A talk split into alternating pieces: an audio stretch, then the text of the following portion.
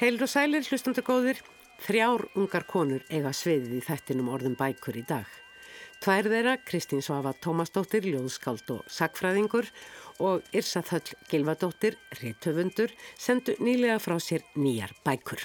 Kristín Svafa sögulega ljóðabók í fleiri en einum skilningi og Irsa Þöll skáldsögu sem sprettur beint út úr núinu því núi sem umlék okkur fyrir COVID. Þriðja unga konan og pallið þáttar dagsins er svo ljóð og sagnaskaldið Fríða Ísberg en í síðustu viku fluttu hún fyrsta pistil sinna þremur um mann Bukkervellunin 2020. Hún segir okkur í lok þáttar frá þremur bókum af sex sem skipa svo kallaðan stuttlista verlunina í ár en fyrir viku sæði Fríða okkur frá heinum þremur bókunum. Áður en að því kemur er það annars vegar hetjusögur og hins vegar strendingar. En fyrst af öllu, það er háttíðistagur í dag, 16. november, fæðingardagur Jónasar Hallgrímssonar og þar með dagur íslenskrar tungu.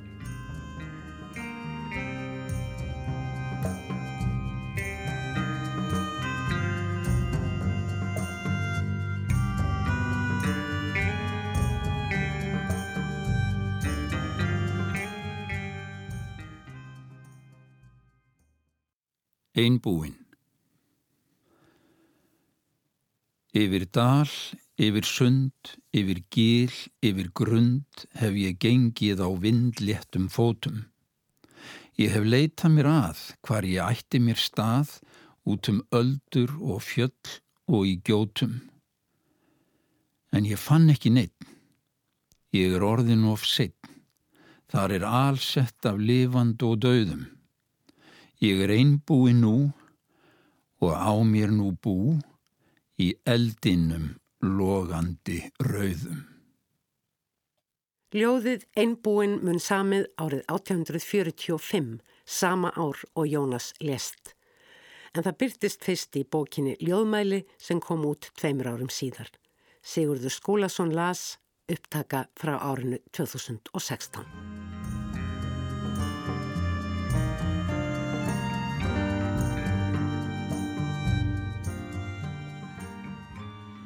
Það hefur verið spennandi að fylgjast með ljóskaldinu Kristínu Söfu Tómasdóttur sem síðar var sakfræðingur og hefur gefið út aðtiklisvert sakfræðiritt, stund klámsins, en líka einar þrjárljóðabækur, mögulega fjórar. Fyrsta bók hennar bar þann sérstæða titil Blótgælur og kom út árið 2007. Hún vakti mikla aðtikli fyrir ungeðislegan og töffaralegan tón stelpur í uppreist, stelpur sem reyka um keikar og spyrja ekki leifis fyrir neinu, drekka sér fullar um leið og stelpan sem þarna yrkir veit líka alveg að lífstelpna hefur alls ekkit alltaf verið þannig eins og hún lýsir því í þessari bók. Og hún hæðist að sjálfu sér í margvíslegu vesinni sem flækir lífið, jáfnveg líf hennar frjálslegu ungu konu, en hún skemmti sér líka.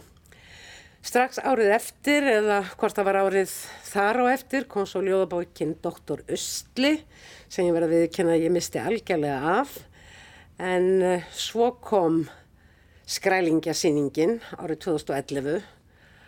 Það eru þessi hispuslösi ljóðmælandi úr blótgælum ennaverki og í fjórðuljóðabókinni Stormviðvörun sem að kom út árið 2015 þá hefur kannski orðið svolítil breyting á. Stelpan er orðin fullornari, pælir í mörgu í samfélaginu. Þarna fær góðærið á baukinn að fjallaðu um náttúruvend, netið, neyslumenningu, hverskonar og enginn og ekkert er undanskilið skörpu gaggrínis auganu og kaltæðninni góður ásetningur er engin trygging fyrir því að ekki séu veikir blettir hér og hvar. Storm viðvörun var kannski alvarlegri að sínuleiti afstöðu og yfirlýsingum ljóðmælanda heldur en fyrir bækurnar og kannski ekki löst við að aðdáendur hennar nýju fersku rattar í íslenskri ljóðli sem Kristín Svafa sannlega var og er, er þau svolítið hissa en fyrst og fremst kannski spendir hvert hún færi næst og jú, hún einbeitti sér að sagtfræðinni og skrifaði eins og áður saði stund klámsins um klám á tímum kynlífsbyltingar á Íslandi. Og einhver tíman kom svo út líka ljóðabókin Þungi eigunar, þýðingar Kristina Svöfu á ljóðum kubanska skáldsins Virgilio Pinjera og til viðbótar við allt þetta sem nefnt hefur verið var Kristín einn af aðal reittstjórum ljóðabókaseríunar meðgönguljóða.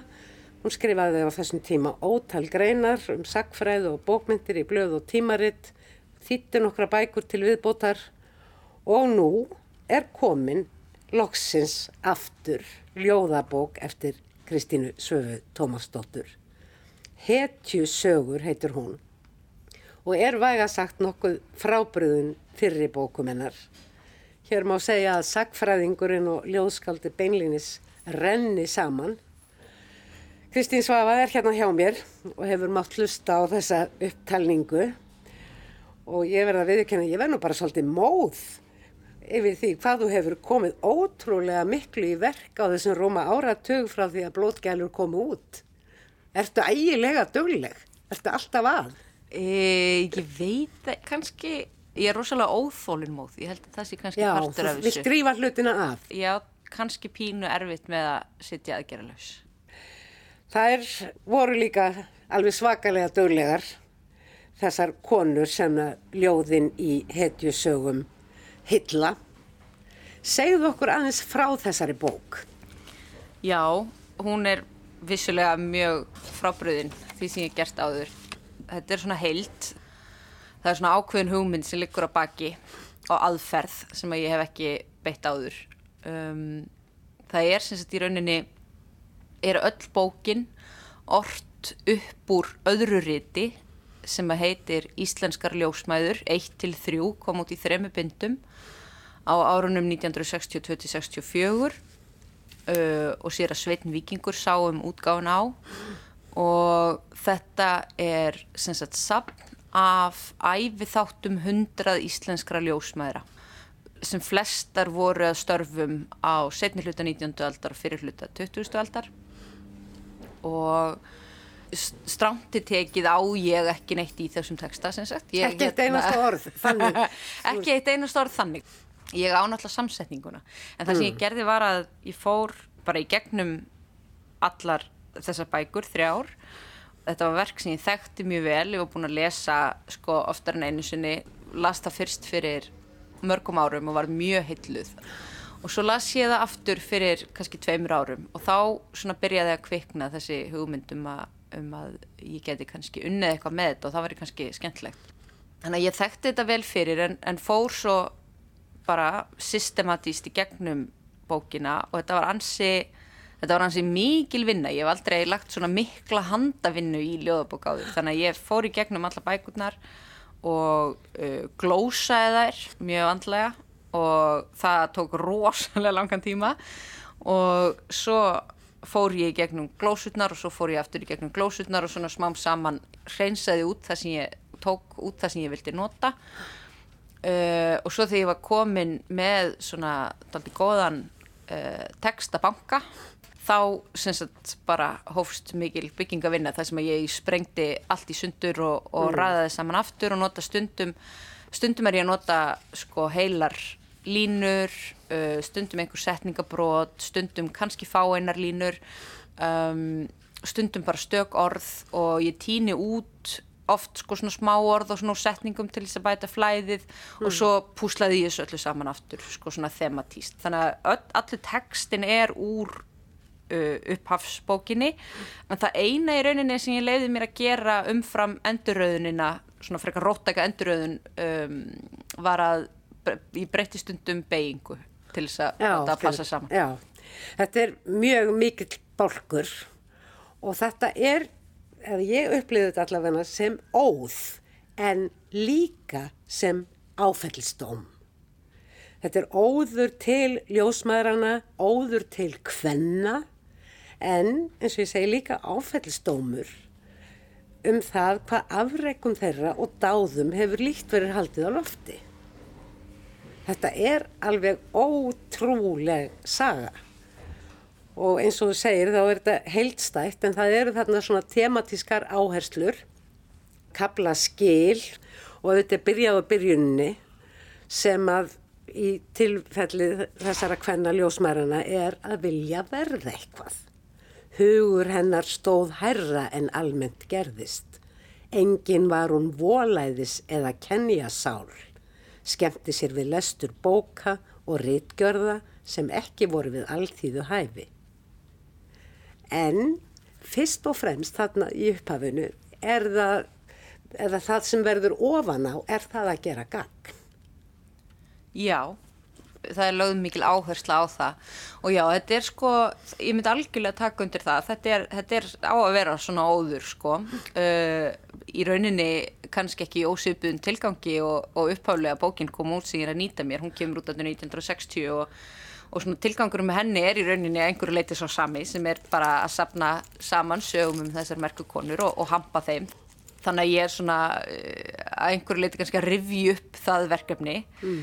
Og, og þannig kviknar hugmyndinum að búa til eitthvað úr þessu að því að það er, það er ekki bara það að ég uh, vilji hampa þessum sögum að því þá, þá hefði ég náttúrulega líka kannski bara aðtjóða hvort það væri að gangast fyrir endur útgáfu upprunlegu bókin eða eitthvað en, en svo fannst mér líka spennandi að nota svona aðferðir ljóðlistarinnar til þess að skoða sögurnar sjálfar mm. og hvernig þessar, þessar sögur eru sagðar og, hver, og hvernig sömu stefin ganga í gegnu þar allar af þessum konum sem vilja mm. verða eitthvað og, og, hérna, og gera gang.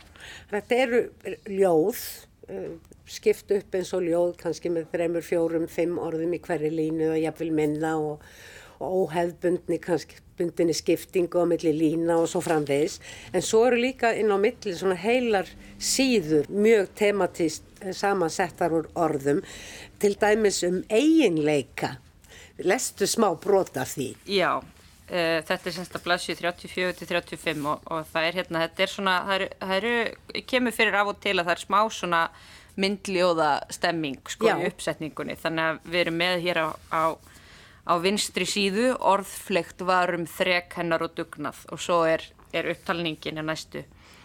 Trúmennsku, skörungskap, gáfur og gladlindi, hagvirkni og gott hjarta, starfsneigð og atorku, víðsíni og hugkvæmni, næmi og starfshæfni, gáfur, atorku, þrek til líkama og sálar, alúð, dáð hennar til starfa, samviskusemi, greind og aðtegli, líkamsþrek, þólinnmæði, kjark, kunnáttu og handlagni, gáfur, kunnáttu og handlagni.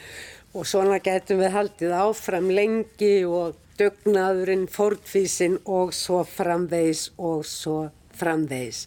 En svo heldur nefnilega bókin áfram og það, það spyrst náttúrulega út um þessa eiginleika og þær eru mjög eftirsóttar. Það er alveg óskaplega fallegur kapli, svona prósaljóð einmitt um uh, þetta hvernig allir hugsa tilvera náttúrulega helst í þrengingum. Til hennar var leitað, leitað úr sveitum, vitjað til sjúkra, vitjað ef sliðs barað höndum, sjúkdóma barað höndum og hjúkurnar þurfti með. Var til hennar leitað, var hennar vitjað, var hennar vitjað er sjúkdóma og sliðs barað höndum. Var hennar leitað til sjúklinga, var hennar vitjað, vitjað til sjúkra, vitjað til veikra, kölluð til sjúkra og þeirra sem urðu fyrir meðslum eða slísum. Var til hennar leitað, leitað til hennar, leitað jafnan, leitað yðurlega, er veikindi eða slís barað höndum. Vitjað ef einhver metti sig, á erfiðum stundum ef eitthvað gekk að, raunir steðjuðu á heimilunum, var hennar vitjað til að hugga og styrkja, líkna og rétta hjálpar hönd, sótt til að vera yfir veiku og deyjandi, deyjandi fólki og hughrista það og hughrista þá sem höfðu orðið fyrir hörmum. Já, það eru margar hliðar á ljósmóður starfinu svo sannarlega og sérstaklega náttúrulega eins og það var á þessum tíma þegar að mikið þurft að ferðast, júka af stað þegar að mikið lág við um langa leið. Stór hluti af bókinni er einmitt um þessar vegi og vegleysur og veður og vött sem þarf að yfirvinna. Og alltaf texta, stundum, kannski oftast er guðmið í för, velviljaður svona frekar. Undir lokim fær svo gleðin jáfnvel sitt rými í þessari bók. Og þakkir, hún fær þakkir, ljósmóðurinn, þótt hún fái sjaldan borgun og tákgrænt fyrir þessar þakkir er kannski veglegt samsæti og skrautur þetta ávarp. En það eru þessar voðalegu veður. Þú týnir því svolítið í því, það, ég fannst það skemmtilegt. Já, Eða, það er, það er alveg það er svo dramatist. Já, og það er það sem er sko ekki síst magnað við upphaflegu bækurnar sko, eru, eru veður og ferðalaga sögurnar sko og, og manni verður auðvitað að hugsa stundum til bara frásagnarfræði 101 sem að gengur út á ferðalaga hetjunar þetta er svona, eh, hetjan er ofta að fara í svona svipað ferðalaga í, í þessum þáttum Já. sko, hún þarf að fara og, og hún þarf að ná markmiðum sínum og sigrast á hindrunum og, og, svo, og svo framvegis. Sko margt í þessum sögum sver sig daldið í ætt við ímislegt náttúrulega í bara svona klassísku íslensku svona alþýðu uh, hérna bókmentum Eh, þetta eru svona hrakningasögur að hluta til uh, eins og hrakningar á heiðavegum og, og Fáum örlítið svona veður eða vegleysubrótt. já. Það sákabli byrjar á líka hérna, maður mátti nú ekki vera mikið að því en, en hérna en svona fuss og svei uh, eldri kynnslöðurinnar yfir því hvað uh, nútíma fólk gerir sér ekki grein fyrir hvað allt var erfitt í gamla daga og þetta er náttúrulega skrifað í því sem við myndum kannski skilgarina sem gamla daga í dag Þá lístu ekki rafmaksljós úr gluggum. Þá reyndi meira á líkamsþrek og þól. Þá var margt öðruvísi en nú er. Nú þarf ekki annað en stiðja á hnapp. Þá er komið ljós í öllum áttum og sesta matborði í hlýrri stofu, ekið á bíl á sléttum vegum yfir brúaðar ár, landshorna í milli. Ungt fólk sem veldir sér í auraflóði nútímans mun aumast trúa því að þetta sé satt, erfiðið í ljósleysi aldana. Byggðin að vísu fögur í sólskinni og sumardýrð. Fagur flóin er sólin glitrar sund og eigjar og tignarleg traustu fjöllin standa þjættum fótum er stormar æða. En allir vita að í mestu mandrápsbyljunum er konum gjarnast að taka léttasúttina og helst að næturlægi. Leggja af stað út í svarta vetrarnóttina, út í yðurlausa stórrið, út í hríðina og myrkrið. Bæirnir á kafi, þessar litlu þústir, dökku þústir, heimkynni lífsins þar sem fólk starfar, stríðir og elskar. Myrt af nóttu, úlfgrá jörð og kraparhriðjur, þingdi í lofti og dimdi yfir, válegt veðurhljóð í fjöllum. Hesturinn trilltur, hesturinn í ánni, hesturinn í ófærðinni, hesturinn í pittinum, hesturinn í mógröfinni, hesturinn í sandkvikunni, hesturinn í sandbleitunni, hesturinn á kafi í ánni, hesturinn á kafi í ánni, flugströymurinn veltandi hestinum í ánni, jakarnir ríðandi undir fótum hennar. Lesandi fadir voruð í huganum, vildi ekki deyja svona ung. Ekki verður feigum forðað, skriður, brattar og háar, hafaldan sleikjandi hátt upp í hamrana, líkt og gráðug tunga. Gilið barma fullt af snjó. Skyndilega hreyfist skablin á flegi ferð niður snarbratt gilið undir krapinu á hafút. Ekki verður feigum forðað, kolmóraut krapa vatn, hafði mörgum í hel komið og ekki búið enn. Þau voru horfin en dökkleitt rekald flaut ofan ána. Sáu þá sem snöggvast ljós, sáu daufa glætu, sáu gegnum sortan ljóstýru í glugga, sáu dauvan lýsandi blett framundan, unglingstúlka með ljósker í hendi. Þetta er alveg ótrúlega dramatist og lýsandi fyrir þessa kabla í bókinni og þú ert svo trú þessari frum heimildinni og konunum. Aftast í bókin er ju listi með nöfnum þeirra allra. Er þetta að kenna okkur hrósa konum sögunar? Í, ég, ég er svona híkandi við að nota orð eins og kenna um, Það er ekki aðtigli á. Já, ég menna alveg algjörlega mm. uh, og þetta er náttúrulega eins og ég sagði, þetta er náttúrulega svolítið sko, uh, þetta er hluti í rauninni af þjóðlegum fróðleik má segja einhver leiti, sko þessir æfið þættir og, og þeir og kannski ekki síst hrakningasögurnar mm. hafa oft verið ansi karlægar greinar um já, mér, mér fannst algjörlega þess virði að reyna að nýka því sjónarhóttni mm. aðeins til því að þetta eru svo algjörlega magnaðar sögur og ég var að segja, hef, hef sagt það áður sko að um, eitt af því sem er svo fallegt við þessar hetjumyndir sko af konunum sem gerir það einhvern veginn svolítið sérstaklega djúpar finnst mér er að þetta eru ljósmaður þannig að þetta er þessi eh, eins og kemur nú bara held ég eh, er bara orðað einhver starf í bókinni held ég um, það er þessi samrunni sko blíðunar og hörkunar Já. sem er svo fallegur þannig að þetta eru hetjurnar sem að berjast áfram en, en er mm. færa líka hlýju í bæin e, það má náttúrulega velta fyrir sér alls konar hlýðum á svona hvern í myndinni út mm. frá þessu og, og það er náttúrulega það er ansi mikil hóvarð sem er lögð áhersla á víða í þessum þáttum sko Ó, það er einungis, einungis viljend sko til að hjálpa. Þannig að þú veist, það, það er mjög fallegt. En, en eins og ég segi, maður er náttúrulega líka að skoða hvernig sögurnar eru sagðar sko. Og þetta er náttúrulega með þessa æfi þætti sem ég er að vinna með, þá eru þeir yfirleitt skrifaðir sko, í, þeir eru skrifaðir ímist af konunni sjálfu með einhverjum öðrum. Og, og þeir eru náttúrulega skrifaðir löngu setna, þannig að það er líka sko áhugavert að hugsa um þá þannig að þetta eru sögur sem er verið búið að vera móta af þessum konum árum og áratugum saman. Eh, þetta er enginn sósial realismi. Eh, þetta eru sögur líka sko mm. og, og þannig kemur inn náttúrulega þessi titill sko hetjusögur, þetta eru bæði ja. hetjur og sögur. En þú skildir kaltænin eftir í stofunu þegar þú fórst inn í Herbryggi að vinna Já, svona mestuleiti það er nú svona, sko, jú, þetta er náttúrulega kannski ekki mjög kaltæðin bók en, en eins og ég segja, það er nú svona náttúrulega ákveðin, ákveðin fjarlægt, sko, sem, sem það krefst að gera þetta líka.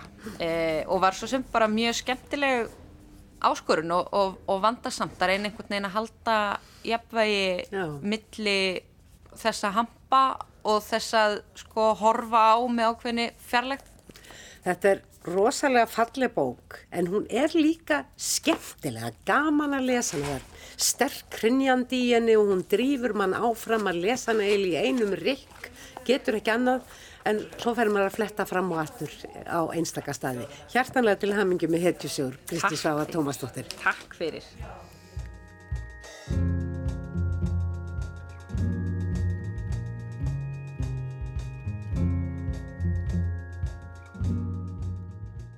Yrsaþall Gilvardóttir sendi árið 2010 frá sér skáldsöguna Tregðulagmálið. Þar sem lesandin fyldist með tilvistakreppu háskólanemans Úlfildar í ástinni og fræðunum. Stutt skáldsaga og fremur einföld og maður spurði sig hvað svo hjá þessum höfundi. Svaruð kom ekki fyrir sjórum síðar með skáldsögunni Móðurlíf blöndu tækni. Hér var fjallaðum samband barna og foreldra en þó fyrst og fremst um tilveru listamannsins konu sem er listamæður. Hvernig fer saman borgarlegt fjölskyldulíf og það að fylgja eftir listrætni sköpunar þrá? Ekki vel eins og skáltsagan móðurlíf blöndu tækni sannar. En býður upp á áhugaverðar pælingar, fléttu og framvindu, jafnvel spennu í skáltsögum. Nú hefur Issa sendt frá sér sína þriðju skáltsögu í sólgulri kápu, Strendingar heitir hún, með undirtillinum Fjölskyldu líf í sjö töktum.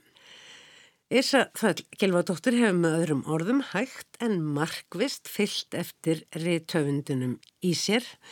Um leið og hún tók mestaraprófi fransku, egnaðist þrjú börn og starfaði sem kennari, ég held nú sé nú alveg sendis hætt því eða svo gott sem og sest við skriftir en það eru strendingar ekki eina bókin sem hann sendir frá sér í ár heldur komu út ekki alls fyrir löngu tvær léttlestrar bækur eftir Issu, Bekkurinn minn og þar er öruglega von á fleirum. Það er nóg að gera hjá þér, Ísaföll Gilvardóttir. Já, það má segja það. Og uh, þú ert búin að koma þér upp svona skipulaðrir í töfunda tilveru eða hvað?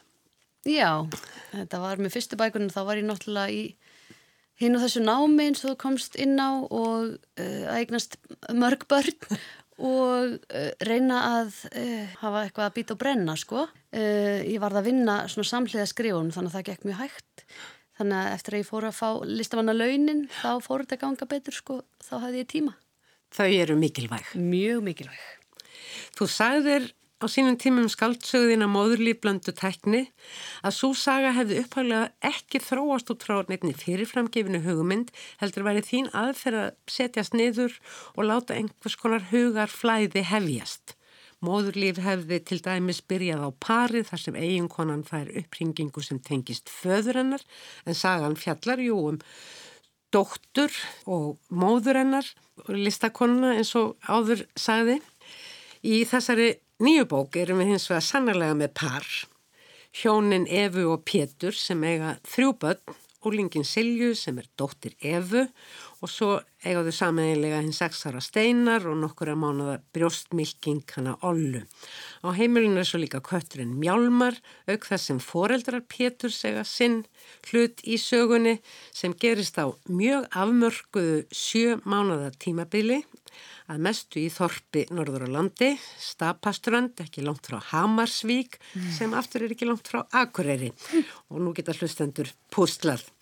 Frásagnarháttur sögunar strendingar er kannski það sem fyrst vekur aðtegli því hvert og eitt þeirra sem hér voru nefnd í apvel brjóstmilkingurinn sem þróskast hratt á þessum sjö mánuðum greinir í afmörkuðum köplum frá sinni sín eða öllu heldur sinni upplifun á því sem gerist og það er æðimart. Hér er kúun, hér er einaldi, hér er tauga áfall, reythöfundar draumar, jafnvel reythöfundar tilvera, sveitastjórnarmál með tilrænandi klíkuskap og spillingu og svo má ekki gleyma afanum Bergi sem er orðin svo gammal og gleimin að öldrunarmál hljóta líka að koma við sögu og allir taka þátt í þessu öllu saman því að þetta er, ef við ekki að segja þetta sé samhend fjölskylda. Jú. Hvað kom fyrst af þessu Issa? Sagan sjálf, það eru nokkrir þræðir sem er komin og kannski betur inn á og eftir, eða þessi aðferð sem er óvennileg? Það var það sem kom fyrst og þetta er svolítið merkilegt þegar maður er að uh, ljúka við skáldsögu á svipum tíma og maður er að sækja um listamannlegin fyrir nýri bók. Mm. Þá var svona eins og ég væri með móðulífið uh, í höndunum sem bara minn nýfætta brjóstmilking og átti þarna að fara að sjá fyrir næsta barni mitt og bara, og hana nú, sendu inn umsókn. Þannig að það var, ég fór í eitthvað langan göngutúrum um Klambratún þar sem ég svona kokkaði upp þessa hugmynd á samt uh, manninu mínum og við svona töluðum um þetta, já, heyrðu, það væri nú svolítið skemmtilegt að skrifa svona margrata frásögn og í fyrstu personu og, og skiknast inn í fjölskyldu frá hliðum allra í fjölskyldunni. Þannig það var formið sem kom fyrst og ég vildi endurspegla mörg mismunandi svona æfi skeið, ég vildi hafa ungbarn og að það fengir öll og ég vildi hafa barn og ungling fullarið fólk og gamalt fólk. Og svo vildi ég líka hafa kött og það var svona bara ákveðin svona gletni að, að skrifa kött og ungbarn sem að hafa ekki það, svona, það tungumál og þá færðni til að tjási sem að við eh, svona, krefjumst oftast af, af, af sögupersonum og eh, það hefur svo sem þróast svolítið hvernig rættirna þeirra uh, og líka sexárabatsins enduðu, þú veist þeir fóru frá því að vera kannski meiri líka írónísk svona uh, írónískur leikur með hvað getur ungbarn eða köttur eða barn hugsað og hvaða orð eru svo tjáð á blaðsíðunni. Og mér fórst ekki mjög vel að, að skrifa þá íróníu á eitthvað flókinhátt þannig að ég reyni að halda mig við uh, það vitundarskeið sem að þau eru stött á og tjá það sem best. ég fór svolítið að hugsa um einmitt málsniðið á einstöku köplum hjá einstöku sögumannum en komst í rauninni ekki að neittni ákveðinni niðurstöðin en maður þetta áluvarðar, kötturinn er nú mjög vel máli farin og, og, skinnur en þú pældir sem sagt talsvert í þessu Já. og hverja sástu fyrir þér sem lesendur? Má segja þetta sé fjölskyldubók í fleiri en einum skilningi, það er ekki bara að það sé saga um fjölskyldu heldur beinlýnis fyrir fjölskyldur. Þar sem mismunandi kynsluður er mitt lesi bókina og sjáu þetta svona sem þennan blævæng. Um, Ég reyndar gerði það ekki. Ég hugsaði hana fyrir fullorna bara og, og þannig sko. Þú dregur þarna ansi margt inn en það sem mér fannst eiginlega aðtiklisverðast að lesum var tilvera Ullingsins, Silju Mm. Kanski vegna þess að hún lífur og hærist í veröld sem að ég þekki barasta ekkert til í. Það er að segja í veröld tölvuleika sem í hennar tilvíkja á eftir að þróast út í aðra og alvarlegri hluti. Svo þvælast auðvitað fyrir vaknandi kynþörf og innreið ástarinnar í tilveru manniskunar. Ég þekkti það betur, það er svona meira sammannlegt. En lestu kannski stuttan kabla þar sem að Silja segir frá sínum heimi. Það er svo glatað að vera ég.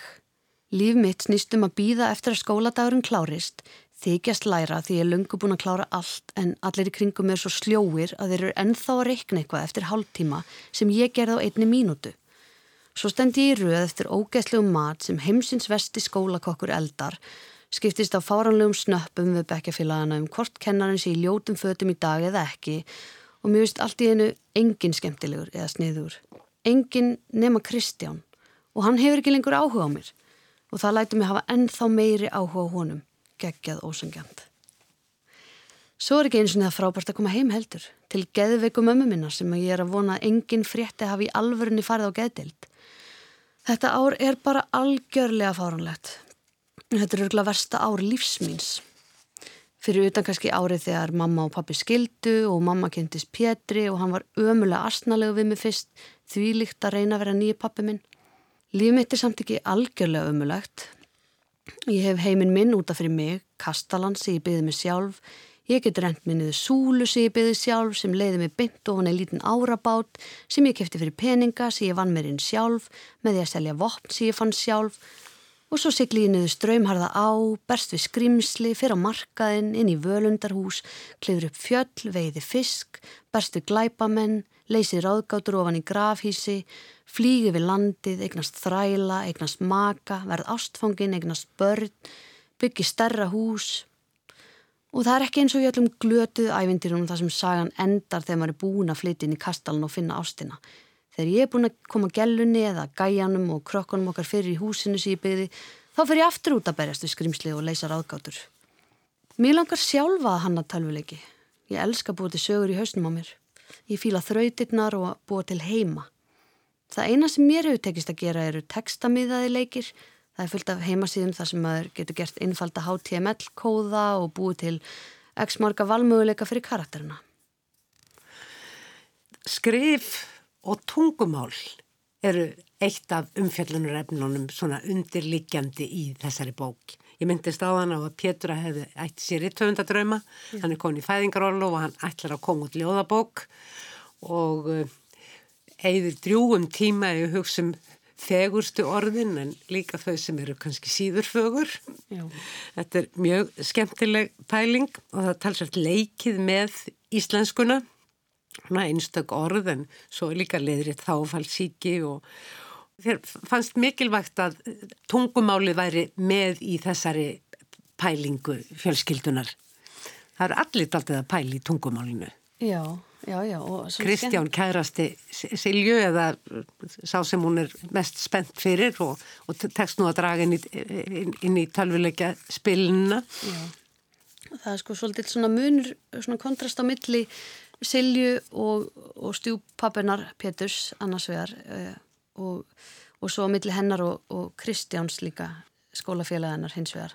Þeir eru kannski reyndar svona svolítið svipaðir, þeir eru svona íslensku nördar og svolítið fyrir svona eh, ákveðin rétt trúnað og uh, Pétur elst upp við eitthvað svona ómælda virðingu fyrir tungumálinu og við að mammans hafi orrt svona mikið en, en aldrei kannski haft kjarkinn til að gefa neitt út mm. og hann kannski erfir þetta kjarkleysi Þetta skúfuskáld Þetta skúfuskáld og er starraðin í því eftir að hún deyra að, að koma upp úr skúfunni nema hann er einhvern veginn samt það heikandi að hann í staðin fyrir bara að byrja að skrifa þá verður hann að kortleggja allt á einhvern svona alveg ótrúlega nákvæman hátt sem að í rauninni hamlar honum mjög mikið sko. Mm. Það má segja að hann fylgi eftir í tönduðrömmun sínu með talsvert hefbundnari hætti Já. heldur en Silja sem einhvern veginn bara svona dettur inn í þá óvart, hittir þá fyrir Já. en hans fyrir verður líka ólíkt endasleppri. Já, hún, hún hefur í rauninni miklu, miklu meira erindi inn í, inn í þetta að segja, segja frá að því að hann er bara svona fastur í einhverjum eh, smáum einingum og kemst ekki handan þeirra sko. Mm. En hún er en strax komin á stað. En þannig ertu líka að uh, taka netið sem aðferð og vettvang skálskaparins. Já, já. Var það eitthvað yfirlöður á þið eða kom þetta bara svona sem einna finnum fjölmörgu strengjum í þessari bók? Já, ég... ég... Þú lést þetta bara flæða? Já, ég er ekki viss maður að ég er gott svar við þessu. En eh, þa það er auðvitað bara fullt af svona þráðum í, í þessari sögu sem að eru þannig séð svona meta og, og um það að hafa eitthvað að segja versus það að hafa einhvern veginn löngun til að vera skált og svo eru líka karakterinir að mörguleiti líka uh, svona metað þá má svona sjá frá ólíkum hliðum og svolítið eins og sko titillin gefur til kynna þá svona sjáðir ekkit alltaf hína hliðin á strendingnum hversu mikla insýn við sem lesendur fáum inn í sögupersonur ólíkt svona þeim sjálfum ef maður sér þau fyrir sér sem einn kannski stöpul eða einn mm. strending sko Þetta er náttúrulega margræður titill, fjölskyldan er náttúrulega stapastrendingar og svo er það þessi rúmálseining strendingur. Og, og svona kemur aðeins inn að í, ljó, í lo, lokin einhvers konar svona ljós, hugmyndinum ljós líka á liti, á litrófi. Mm. Þetta er sangkölluð nútíma fjölskylda og hún kann að leita sér hjálpar í hverju þraut, hvort sem það er tauga áfall, einelti eða elliglöp. Mm -hmm. Allir eiga sér sinnstengrim sálfræðing. Já, einmitt. Þegar ég byrjaði að skrifa söguna þá var það einmitt sjónarhortnin sem að örðu bara fyrsta hugmyndin en svo kviknaði svo hugmynd í raunin að láta þetta snúast svolítið í kringum einelti og stríðinni litlastráksins. Þannig að það var í rauninu uppáspunkturinn og um, sagan átt að vera uh, mikið um miskilningin og hversu mikið hann líkur að fólður sínu með hans þátt í þessu öllu og þá eitthvað skonar uppþótt í bænum í kjölfarið á því og svo Var það eiginlega öfugt? Já, já, og svo held ég bara að ég hafi hort á okkur ameríska þætti sem voru byggður á amerískri skáltsögu og þeir voru að miklu leiti um þetta og ég hugsaði, nei, heyrðu, ok, ég verði aðeins að aðeins að skipta um gýr Já, og svo líka sko átti þetta að gerast í útlöndum og alla tungumálapælingarnar bæði í rauninni hjá Petri og svo átti að vera hjá Efu líka átti að vera um það þau væri stötti í útlöndum og væri svona að læra tungumálið. Og ég er mikil tungumálakona og, og hef oft flutt til útlanda og staðið þessum spórum að vera komir fyrir og, og læra tungumálið og svona. Þannig að ég, þetta átti að vera líka að sagja um það og svo bara eh, rétt eftir ég að byrja að skrifa þetta þá ákvaði við hjónun að flytja til Svíþjóðar og þá líka bakkaði ég bara, ég, heyrðu, ég nenni þess ekki, ég nenni ekki að vera að skrifa um nákvæmlega það sem ég er að gangi í gegnum.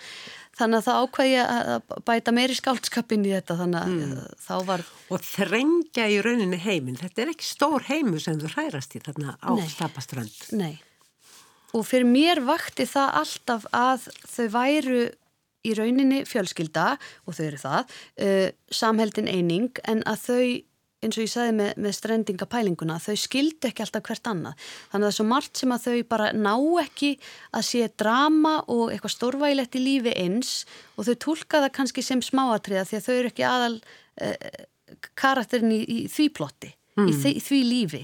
Og hver og einn á sitt líf og sitt drama sem að gerist samtímis öðru, öðru drama og getur tengst, eitt getur haft áhrif á annað eða það getur líka verið algjörlega ótengt. Hmm.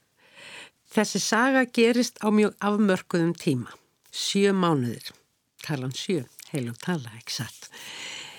Og það gerist ansi margt á þessum tíma, þótt að í rauninni megi segja líka að lífið gangi einfallega sinn vana gang.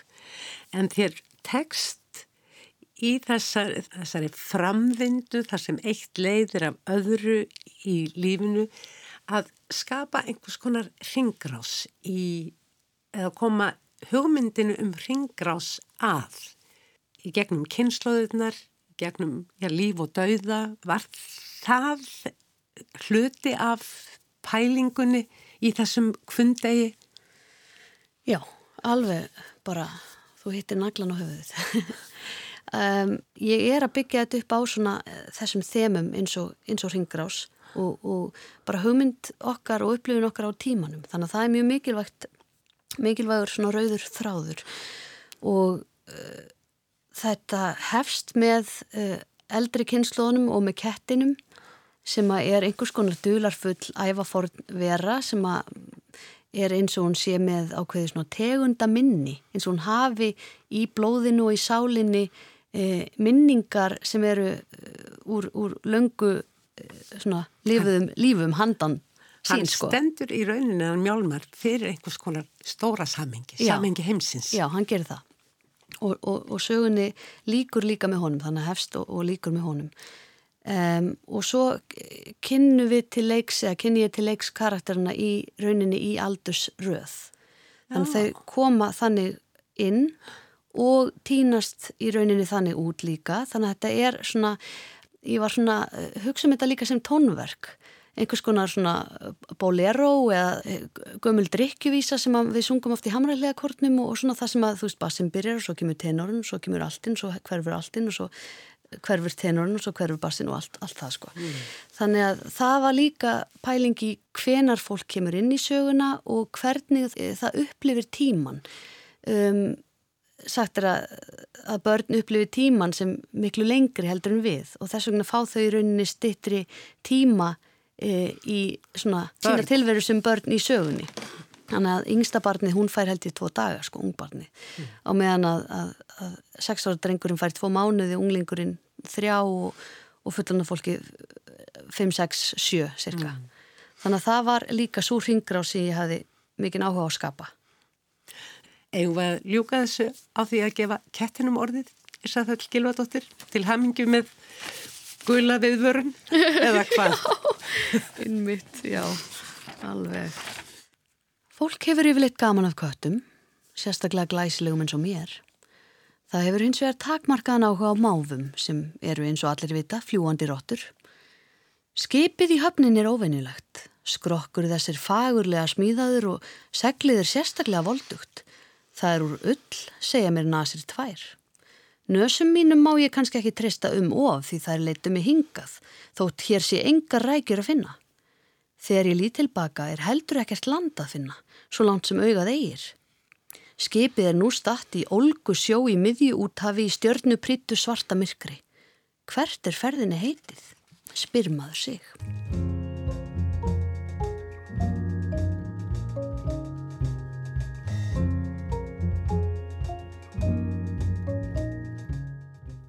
Það er komið að öðrum písli Fríðu Ísberg um mann búkervelunin 2020.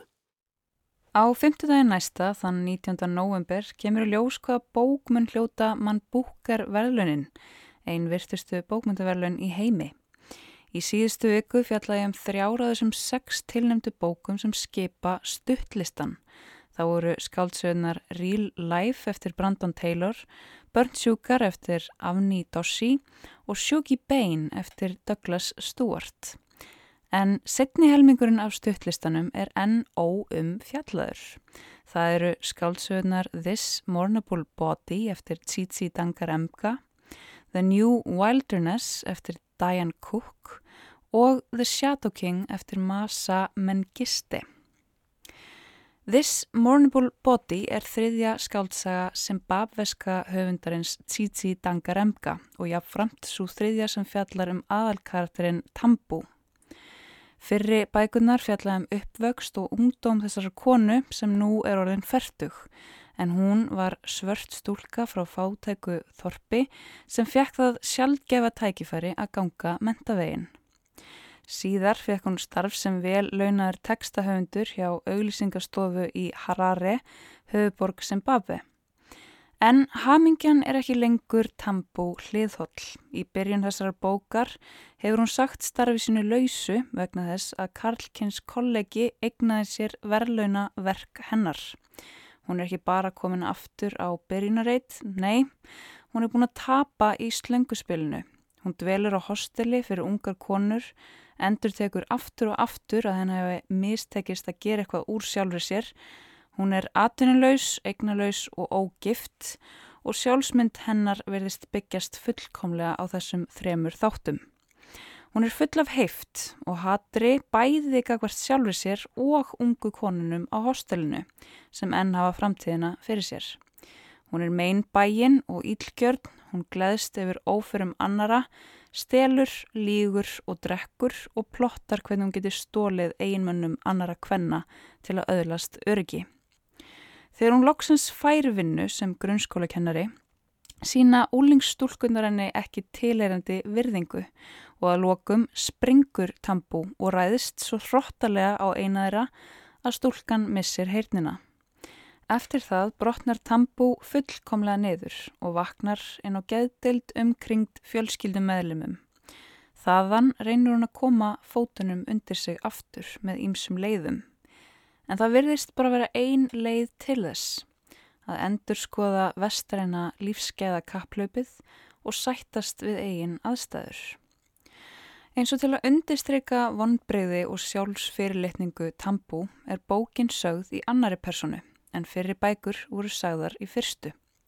Jegið er orðið þú eins og Tambú vilji halda sig fjarlægð frá sjálfri sér. Tekstin er gríðarlega vel stílaður en bókin er krefjandi í lestri. Frásögnin er oft hirfin og Tambó er svo ósympatískur karakter að oftast langar mann ekki að vita meira. Í gegnum allan lesturinn líður manni samt eins og örlög hennar get ekki verið annað en ádela á samfélagi sem hún tilherir. Á kynþáttaforduma, kynja misrétti og samband Afríku við en vestræna heim. Víkjum okkur að næstu bók. The New Wilderness eftir bandaríska höfundin Diane Cook á sér stað í framtíðinni. Mannkynnið er búið að þjappa sér saman inn í einni borg, mengunin er svo mikil að unga börn ná ekki andanum. Meiruluti þeirra kemst ekki lífs af. Skamt frá borginni eru svo síðustu óbeðinar í heiminum. Stórt landsvæði sem er verndað frá mannkynninu Sléttur og skóar og fjöll og dalir þar sem vilt dýr reyka frjáls sinna ferða. Þegar Beatrice horfir á þryggjar og dóttur sína hósta blóði verða hún og maðurinn hennar Glenn örvæntingarfull.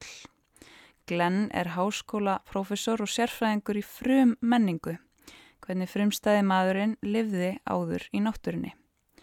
Til þess að koma dóttur þeirra, Agnesi, út úr borginni, setur hann á fót tilrunakenda rannsókn á vegum háskólans að sapna saman 20 sjálfbúðaliðum til að flytja át í óbeðinar og gerast hyrðingjar. Skilirðin eru þessi. Þau með ekki eigna sér náttúruna, byggja eða setja marksitt á hana, þau með ekki gista á sama stað í meirinn viku sem þýðir að þau þurfa að vera á sífældu flakki. Ef þau skilja eftir sér rusl eða ummerki Ef þau veiða á mikið eða hæna dýrin að sér verða þau sektuð af landverðum og eiga í hættu að vera rekin aftur heim í borgina í mengunina. Í byrjun sögunar hafa þau búið í óbyðunum í fimm ár. Af 20 manna hópnum eru aðeins 11 eftir á lífi og greimt náttúrunar hefur veðrað fólkið. Það hefur lært á landslægið, að hlusta á það og lesa það, lært að veiða, að flá og seima sér skinnklæði, það hefur lært að lifa af. Einan hópsins hefur skapast valdabaróta sem minnir óneitanlega á skáltsu William Golding, Lord of the Flies. Hægt og rólega hlaðast vandamálinn upp þegar ástandi í borginni versnar og fólk fyrir að flýja í óbyðinar. Þematíst fjallar bókin annars vegar um náttúru fyrringu og lofslagsvána en hins vegar hvaða er að vera móðir og hvaða er að vera dóttir og tókstrituna milli þess að vera einstaklingur og bundin annari mannesku órjúanlegum böndum. Þetta undistreikar höfundurinn með því að skipta bókinni í tvent. Fyrir lutin er sagður af móðurinni Beatrice en setni lutin er sagður af dótturinni Agnesi. Og síðast en ekki síst, á stuttlistaman Booker verlunana er bókin The Shadow King eftir eþjópíska höfundin Masa Mengiste. Árið er 1935. Eþjópia og Líberia eru einu löndin í Afríku sem evrópskir nýlenduherrar hafa ekki lagt undir sig. En Mussolini hefur ákveðið að hann vilji Eþjópiu sem nýlendu og eru búin að lýsa yfir stríði á hendur þjóðarinnar ef hann gefst ekki upp. Hýrút er munarlaus úlingstúlka sem varð vinnu þræll á heimili herfóringjans neðar í götunni eftir að fóreldrarinnar dóu. Herfóringin Kedane, er að gera eins og hann getur til að gera bændastráka úr þorpinu að hermunum. Hann sapnar gömlum riflum fyrir yfirvandi stríð en útlitið er ekki gott. Mussolini er þegar lagður af stað með þúsundir hermana, flugvilar, skriðdrega og glæ nýjar bissur. Aster, eiginkona Kitane, fyllist eldmóði þegar hún miskilur ítalska blaðaúrklippu. Í stað þess að sjá konu syngja fyrir ítalska hermenn, ser hún konu öskra á ítalska hermenn eins og herfóringi og rýður þegar út til að sapna saman í kvennkins herlið. Kitane hins vegar harðneitar og skipar konunum að sjá um að elda og sjúkra særðum hermunum þegar stríðið skellur á, sem þær gera, Aster og Hírút í farabróti.